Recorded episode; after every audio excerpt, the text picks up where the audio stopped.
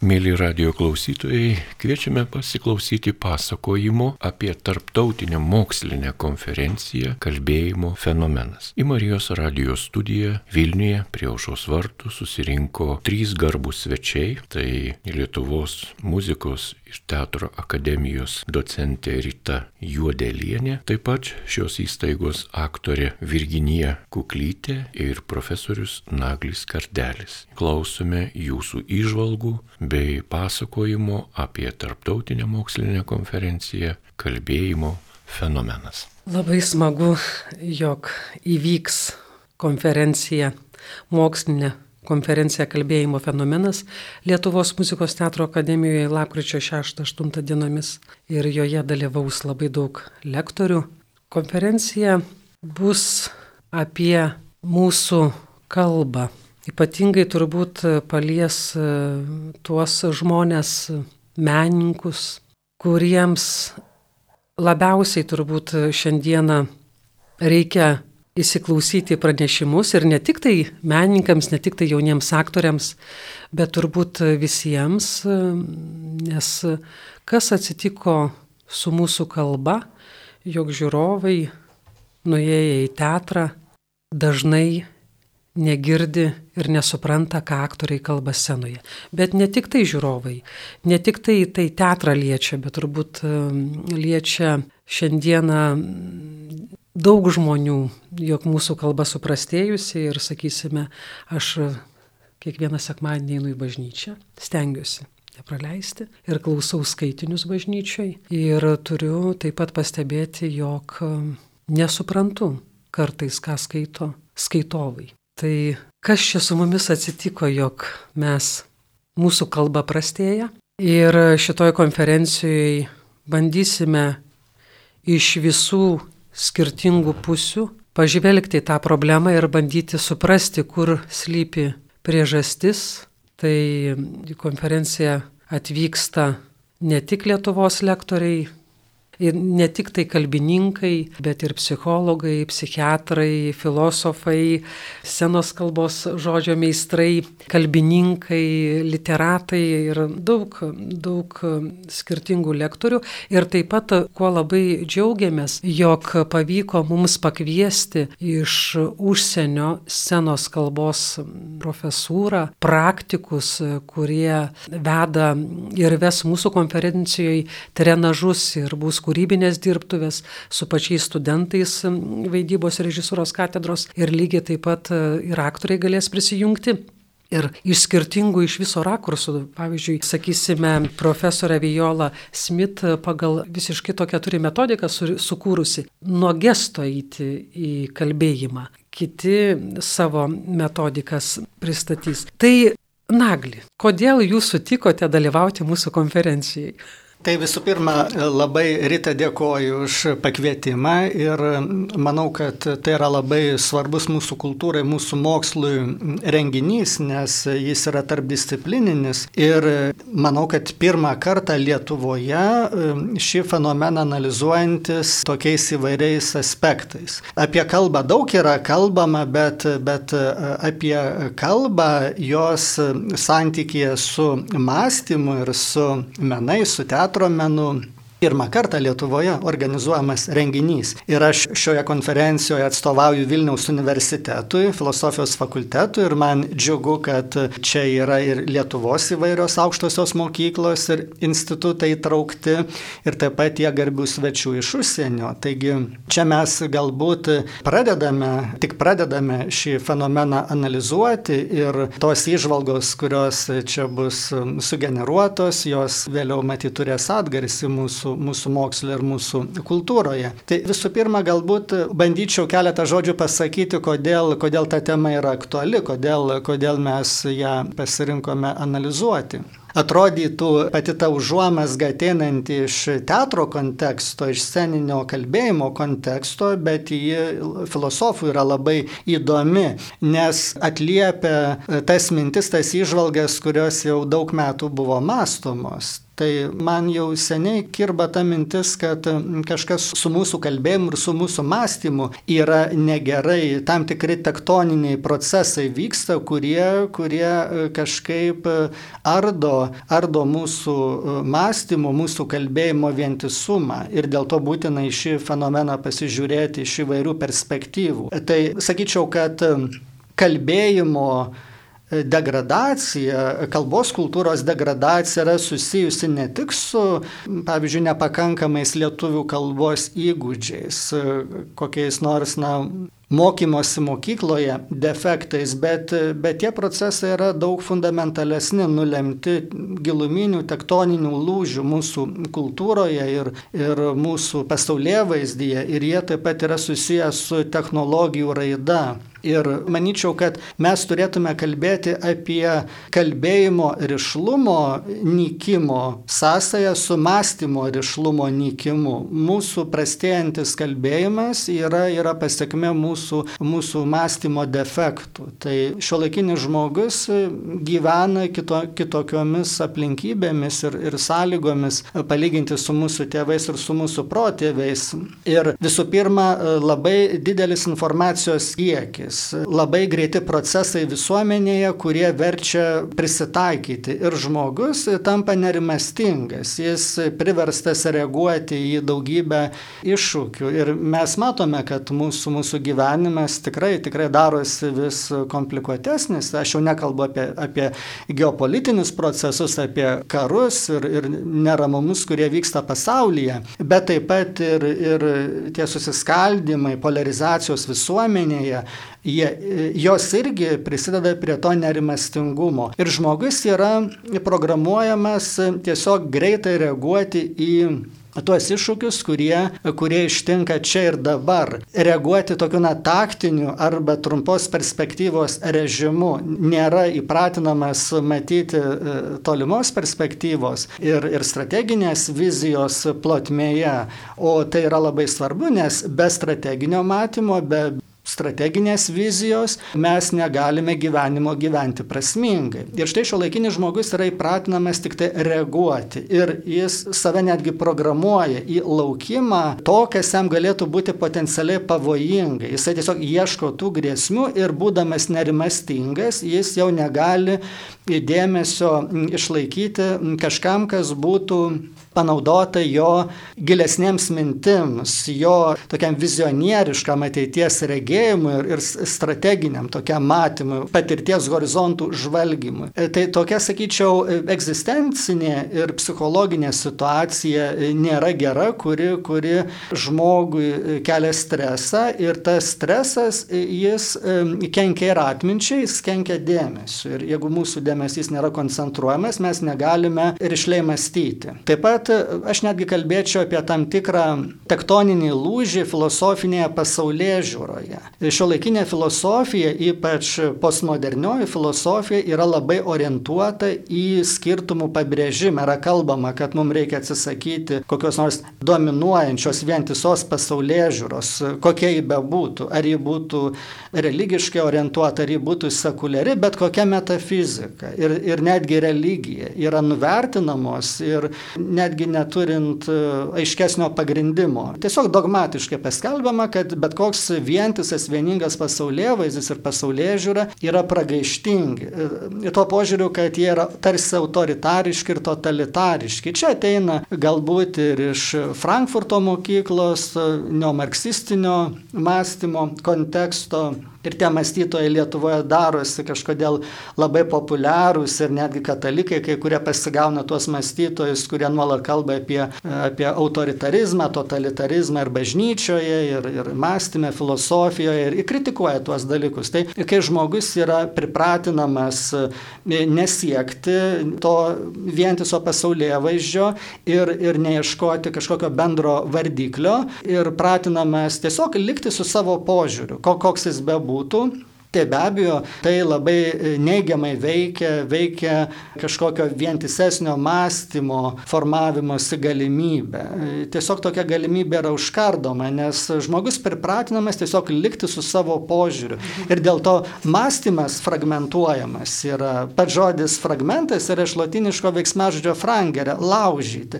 Tai tam tikras, sakytume, kažkokia dužena patirties, mąstymo, kalbos kuri dedama į krūvą su kitų žmonių patirties mąstymo duženomis, tokiomis na šūkėmis ir iš tų šūkių na vientiso ne vitražo, ne mozaikos, ne jokio kažkokio vientiso vaizdo tu negali sudėlioti. Problema yra ta, kad laikome, jog taip ir turi būti.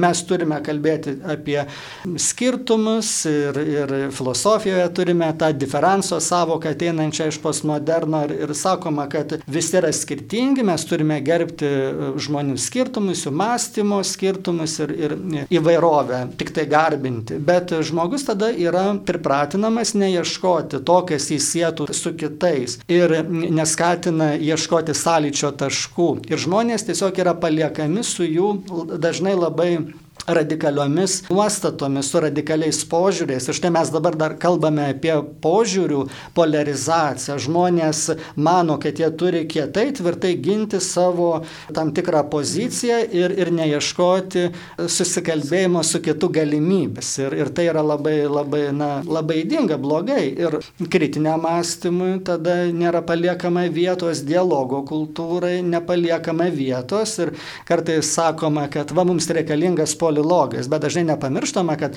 tas graikiškas žodis poliulogos reiškia kalbėjimą daugelio žmonių vienu metu ir jie gali vienu metu kalbėti, bet nesusikalbėti ir vienas kito neklausyti. O va tas dialogas numano logo, mąstymo, kalbėjimo cirkuliavimą, keliavimą nuo vieno prie kito žmogaus ir atgal, kai yra grįžtamasis ryšys numanomas. Tai vad mums to gebėjimo ne tik kalbėti, bet ir išgirsti svetimą nuomonę labai stinga ir tada, kai mes nebandome ieškoti sąlyčio taškų, tai mes tie tiesiog prarandame tą mąstymui būdingą gebėjimą integruoti faktus, patirtis, įspūdžius iš tų defektų, kurie atsiskleidžia žmonių bendravime tie defektai perauga į patirties tokį defektyvumą, kai aš e, iš įspūdžių gausos nebandau e, susiformuoti vientiso pasaulio vaizdo, kai nesusidėlioja iš tų du ženų mhm. vientisas vaizdas. Ir mes kalbame apie šio laikinį žmogų kaip apie praradusį pasaulyje vaizdą. Ir tada šitas mąstymo nerišlumas, jis perina į kalbėjimo nerišlumą.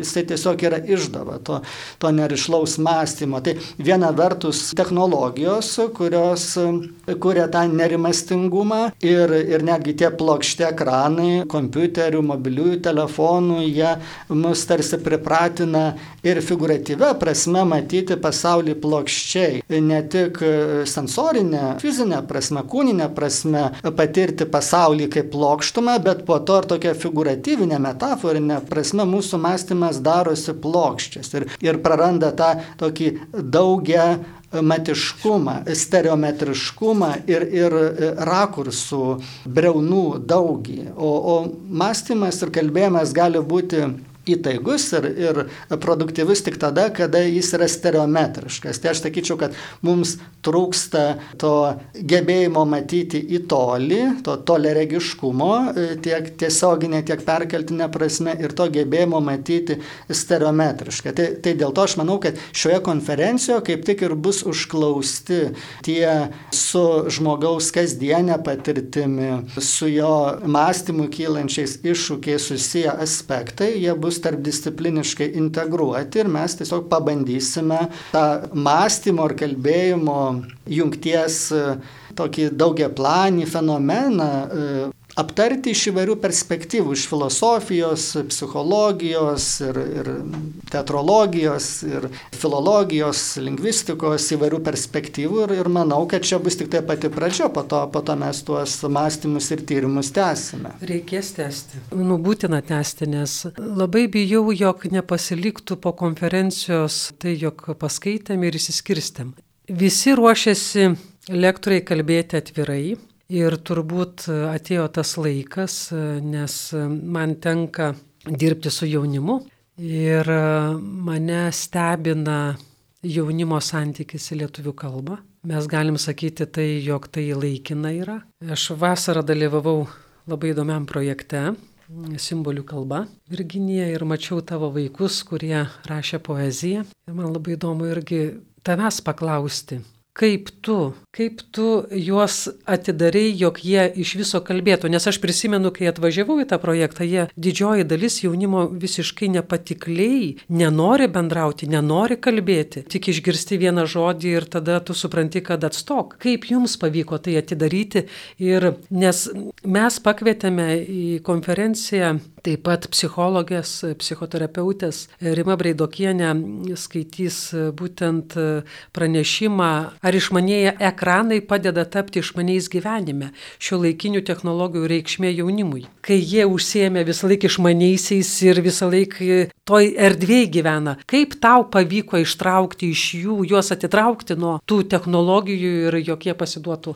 Mes dešimt metų, aš ne viena su didelė komanda, dirbame Lietuvos regionuose, dažniausiai tai būna Šalčininkų rajone, dirbam su mokiniais vyresnių klasių ir viskas prasidėjo prieš dešimt metų, kai mes jų paklausėm, kas iš jūsų skaito poeziją. Ir iš tuo metu grupėje buvusio apie 20 jaunuolių ranką pakėlė tik viena. Ir mes kaip aktoriai pajutėm labai didelį kitų jaunuolių tokį skeptišką požiūrį. Ta mergaitė, kuri skaito poeziją ir atmosfera labai stipriai pasijautė, kad visiems tai yra juokinga, kvaila, nerimta.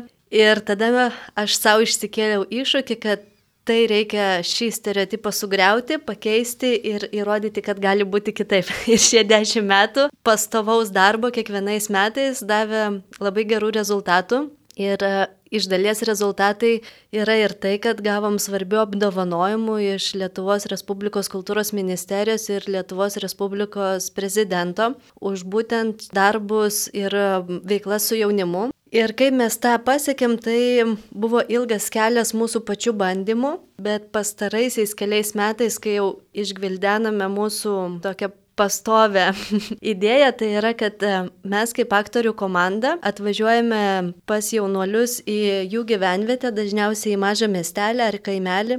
Ir mes jiems pasiūlom kurti poeziją. Poezija iš jų pačių jausmų ir jų pačių minčių. Kodėl būtent taip sugalvojom, nes kai anksčiau jie skaitydavo poeziją, dauguma jų skūsdavosi, kad jie nesupranta, ką skaito, kodėl skaito ir scenoje tikrai būdavo sunku jiems skaityti, nes jie skubėdavo ir tikrai nesuprasdavo potekščių, ką skaito. Ir kai jie sukūrė savo eilėraščius ir kai jie suprato, ką jie yra po kiekvienų žodžių ir po kiekvieną eilutę paslėpę, jiems pasidarė aišku, jie nurimo, jie lėčiau skaito, jie skaito su savo santykiu, kartais labai aštriu santykiu. Ir pastebėjom, kad um, kai sukūrėm saugią aplinką, kalbėtis apie savo emocijas ir jausmus, mums tą padėjo padaryti ir psichologų komanda, ne mes vieni. Tada jaunuoliai pradėjo ir kurti apie savo jausmus ir temos tapo daug platesnės. Nes kaip ir jūs anksčiau minėjot, kad um, tas siauras mąstymas tai būdavo um, nesaugumas, kai paklausdom, kaip jūs gyvenat, dažniausias atsakymas būdavo gerai, normaliai arba nieko naujo. Kai jie pradėjo gilintis į savo jausmus ir emocijas, jų temos atsirado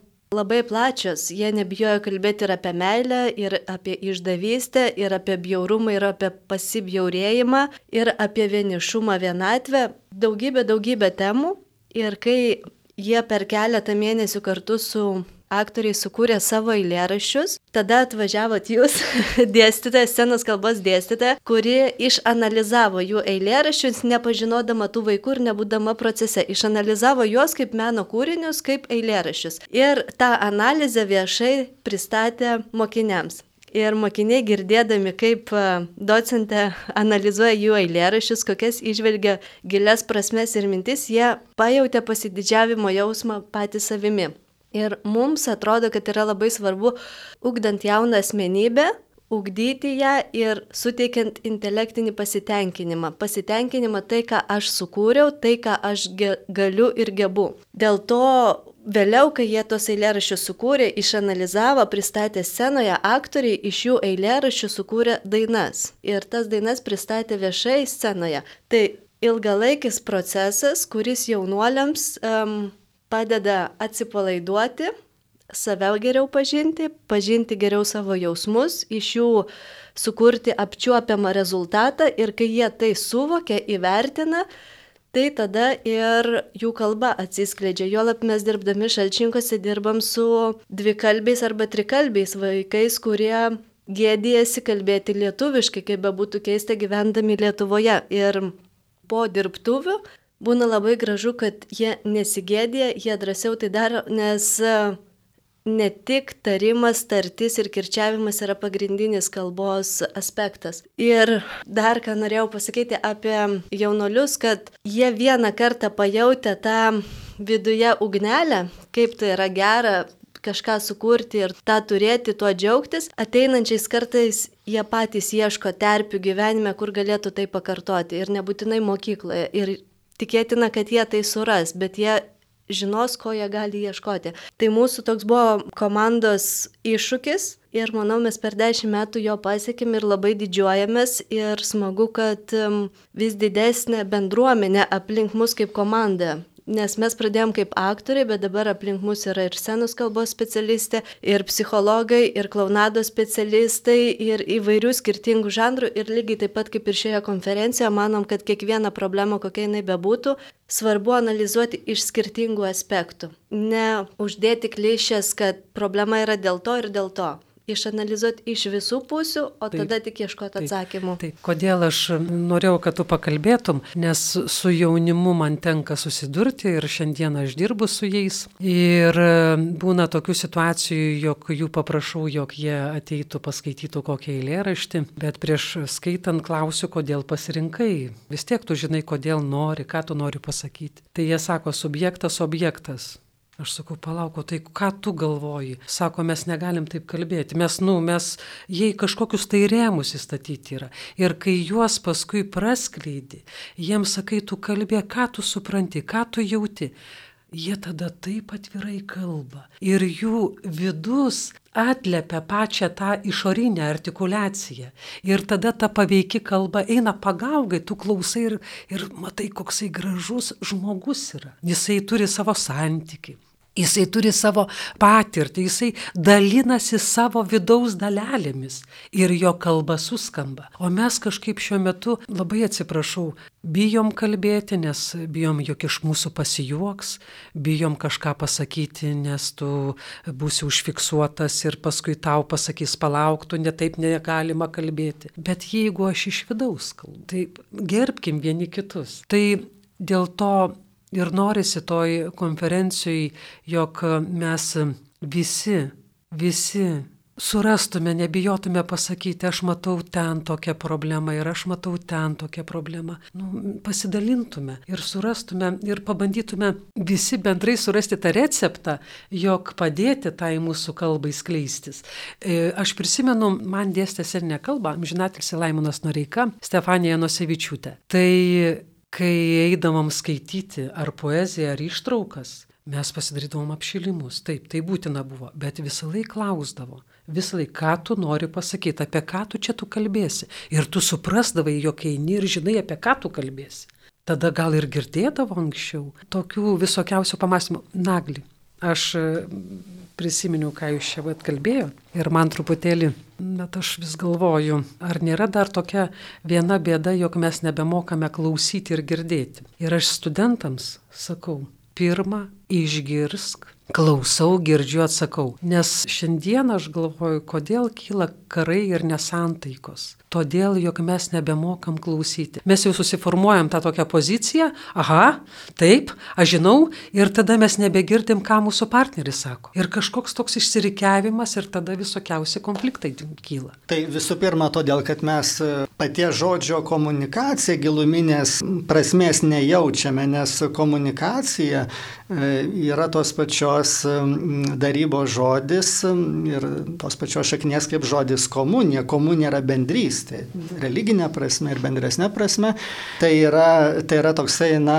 dalymasis patirtimi ir vis, visko, kas yra vertinga. Tai, tai mes dažnai pačią komunikaciją suvokiame kaip efektyvų e, įdėgymą, įpiršimą netgi ar primetimą tam tikros nuomonės. Kai sakome, vaisai geras komunikatorius, arba čia vat, yra kažkokia efektyvi arba neefektyvi komunikacija. Tai būtent toks įtaigumas, kuris yra nuginkluojantis. Aš ateinu su savo požiūriu ir labai efektyviai e, kažkam kitam jį primetu. Ir nėra tos bendrystės. O ta tikroji komunikacija, jinai turėtų įtraukti ir gebėjimą pasakyti savo e, požiūrį įtaigiai, bet, bet taip pat ir tokį receptyvumą, gebėjimą išklausyti kitą, kitą nuomonę ir taip pat atvirumą kitai nuomonė, taip pat atvirumą tai galimybei, kad, kad tu pats, tas, kuris su kitu kalbi, gali būti neteisus, kad tas kitas gali būti teisus, o tu gali būti neteisus. Tai čia yra labai daug galimybės sąlygų. Dar Platonas savo dialoge Faidras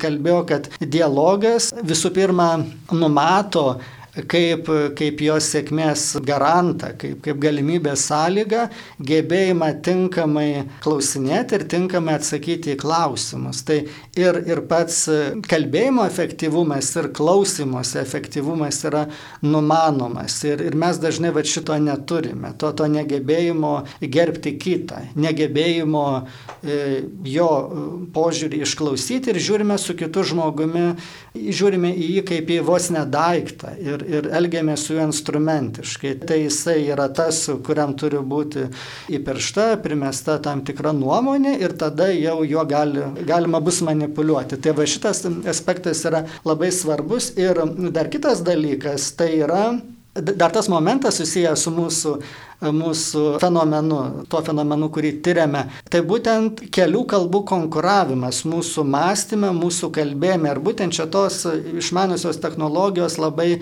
prie to yra prisidėjusios, labai esmingai, nes tiek mokiniai, tiek studentai dažniausiai naršo angliškai. Ir tada jau jų tas mąstymas, jis kinta, jau jie pradeda mąstyti ne lietuviškai, bet angliškai. Ir jie būdami gimtakalbiai lietuviai, jie kartais mintis geriau, geriau reiškia angliškai. Ir kai kai jie kalba lietuviškai, jie angliškų žodelių įtarpia ne dėl pasigrožėjimo ar pasigėrėjimo, ne dekoratyvumo sumetimais, bet dėl to, kad jie lietuviškai kažko negali pasakyti ir jie įtarpia tą anglišką žodį, kuris tą, e, tą minties defektą, tą raiškos e, trūkumą užpildo. Jau jie lietuviškai negali tinkamai pasakyti. Tai, tai sakytume, tokia va dvi kalbystė, kuri jau e, pačiame mąstyme reiškėsi. Ne tuo požiūriu, kad aš be gimtosios kalbos dar moku vieną ar antrą kalbą, bet, bet kad aš jau ne viena kalba nemastau taip, kad galėčiau tą kalbą, e, nesigrėdamas kitų, kažką pasakyti, išsireikšti. Ta kalba man reikia naudoti, vartoti kelias kalbas iš karto, kad aš pasakyčiau savo mintį. Ir pati sintaksė jau kinta. Pavyzdžiui, žmonės norėdami pasakyti, kad kažkas su kažkuo susiję,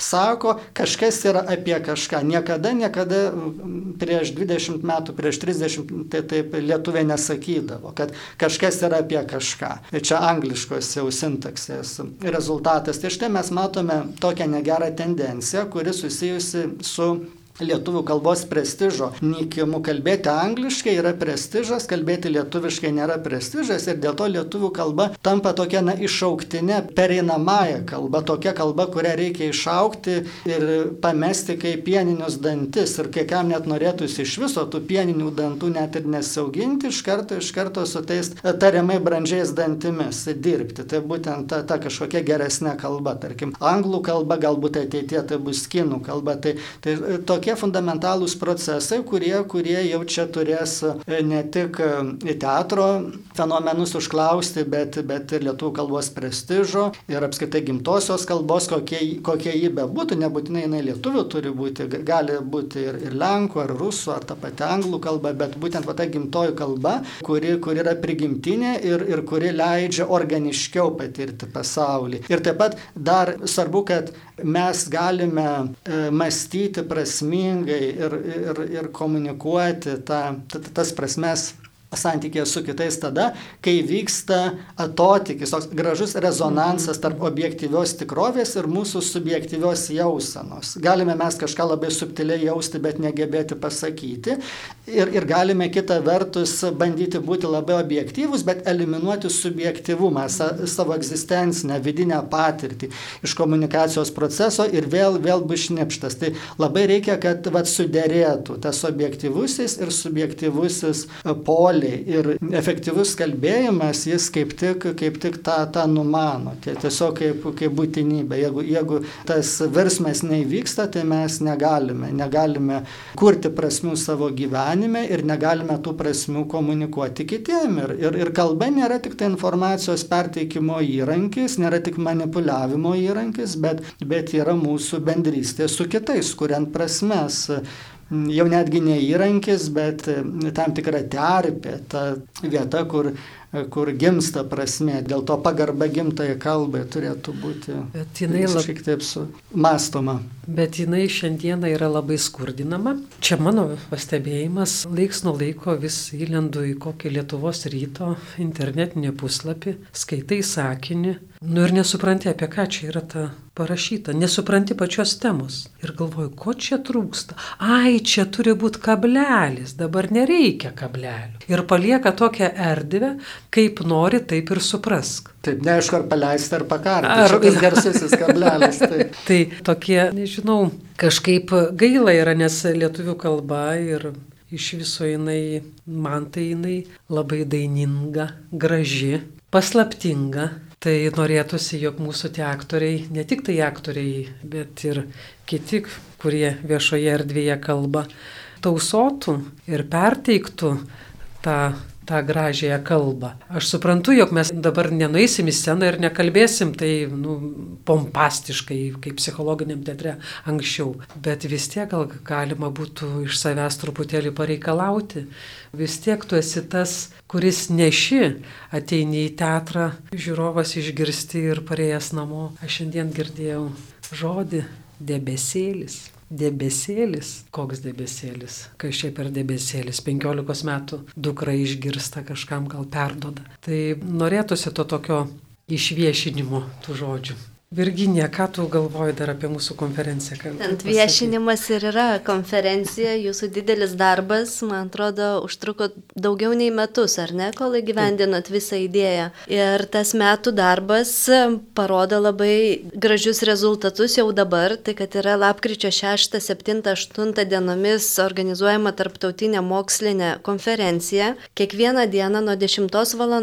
Lietuvos muzikos ir teatro akademijoje centriniuose rūmose vyks vyks e, pranešimai, tai pusė dienos e, nuo 10 iki 2 valandų vyks e, pranešimai, o nuo 15 valandos vyks kūrybinės dirbtuvės, kuriuose dalyvaus Lietuvos muzikos teatro akademijos studentai ir užsiregistravę kiti dalyviai kurie galės gyvai pabandyti tuos pratimus, metodus praktiškai, o visi norintys kviečiami dalyvauti konferencijoje, stebėti, klausytis, dalintis po konferencijos žinias diskusijose ir taip pat po to, kaip ir sakė Rita Jodelienė, nepamesti minčių, kurios bus konferencijoje ir toliau apie tai kalbėti, renkti diskusijas toliau, interviu, pokalbius. Ir man atrodo, jau dabar yra padarytas didelis darbas, kad skirtingus ryčių specialistai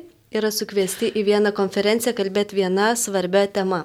Tai aš tai iš viso buvau sužavėta ir be galo dėkinga jog kad atsiliepia mokslininkai, kuriuos aš kviečiau ir visi dėkojo, didžioji dalis dėkojo, jog įvyks tokia konferencija ir sako kai kurie galų gale, kalbėkime garsiai, atvirai, gal bus kažkam nepatogu ir skaudu, bet iškalbėkim, išsikalbėkim, išsikalbėkim ir pabandykim drąsiai vardinti tą priežastį. Tikrai mesgi visi kuriam tą kalbą. Jinai gyvuoja ir pulsuoja mūsų dėka. Visų, kurie kalba lietuviškai.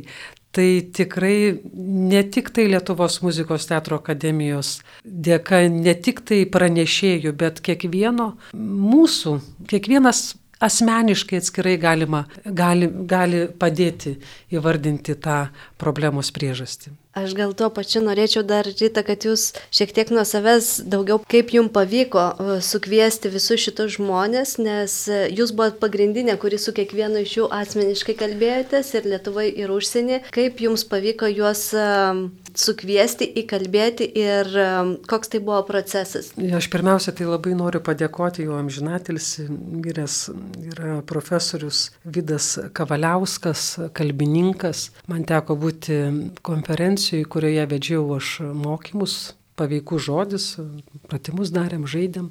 Ir po mano užsiemimų lietuvių literatūros dėstytojai iš kitų universitetų, iš Europos universitetų, kurie moko lietuvių kalbos studentus, paklausė manęs, kas atsitiko su mūsų lietuvių kalba, jog nuėję į teatrą ar į kokį koncertą mes nesuprantame, apie ką kalba ir mes negirdime jų, kas atsitiko. Ir tada aš grįžusi į akademiją sustikau docentę Vestą Grapštaitę, buvo katedros vedėja. Aš sakau, Vestą, sakau, kaip baisu visi klausia. Atiesa dar prieš tai aš laiškų labai daug gaunu iš, iš mokytojų, iš, kurie atvažiuoja su vaikais, žiūri spektaklius ir nu, jie klausia, kodėl mes negirdim, kaip čia, kas čia, kur ką. Ir tada Vesta sako, darom darom šitą konferenciją. Nu ir įvyko tasai. Tada galvoju, gerai, darom, darom. Gerai, aš pasikviesiu senos kalbos specialistus iš užsienio, mes padarysime kokius kūrybinės dirbtuvės, bet ne tai, reikia ieškoti giliau, giliau, giliau, kas atsitiko. Čiagi yra ne tik tai senos kalbos dėstytojai, čia yra ir filosofija, ir psichologija, ir literatūra ir medicina, mes visi, mes tik tai taip galime atsakyti ir suprasti tą priežastį.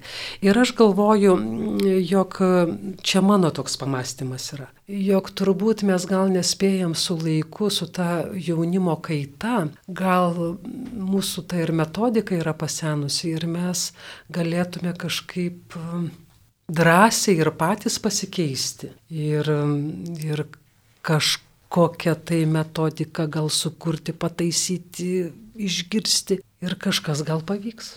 Naglė, ar jūs tikit? Taip, aš nemanau, kad mes dabar rasime panacėją, bet labai svarbu, kad mes diagnozuotume problemą ir suburtume kiek įmanoma daugiau specialistų ir ne tik specialistų, tiesiog laisvų žmonių, kurie jaučiasi jaukiai savo kalboje ir nori jau, jaukiai jaustis savo kalboje, nes gimtoji kalba, būdama jauki, jinai patį pasaulį mums prijaukina. Jokia kita kalba, svetima kalba, ta, kuri vėliau išmokta jinai pasaulio neprijaukina, ji pati tampa objektu, kurį reikia jaukinti. Tai vad mes kaip tik turime gimtosios kalbos savitumą e, suvokti ir tada jau kažkaip tą jos organiškumą, jos savastį kažkaip sėti su mūsų mokslais ir menais ir pačią mūsų kasdienybę atgimdyti tame gimtosios kalbos gaivale.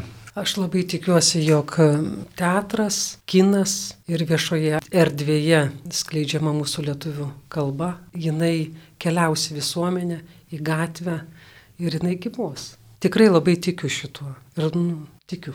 Tik dar kartą pakviesti į konferenciją, kuri vyks lapkričio 6, 7, 8 dienomis Lietuvos muzikos teatro akademijos centriniuose rūmose, o detalesnė informacija, programa ir registracija yra Lietuvos muzikos ir teatro akademijos internetinėje svetainėje lmt.lt. Dėkojame mėlyjeji už laidą apie mūsų kultūrinį gyvenimą ir žinoma, tai yra kalbinį gyvenimą. Taigi šiandien, mėly radio klausytojai, su jumis bendravo docentė Rita Jodėlienė, aktorė Virginija Kuklytė ir profesorius Naglis Kardelis. Likite ir toliau su Marijos radiju.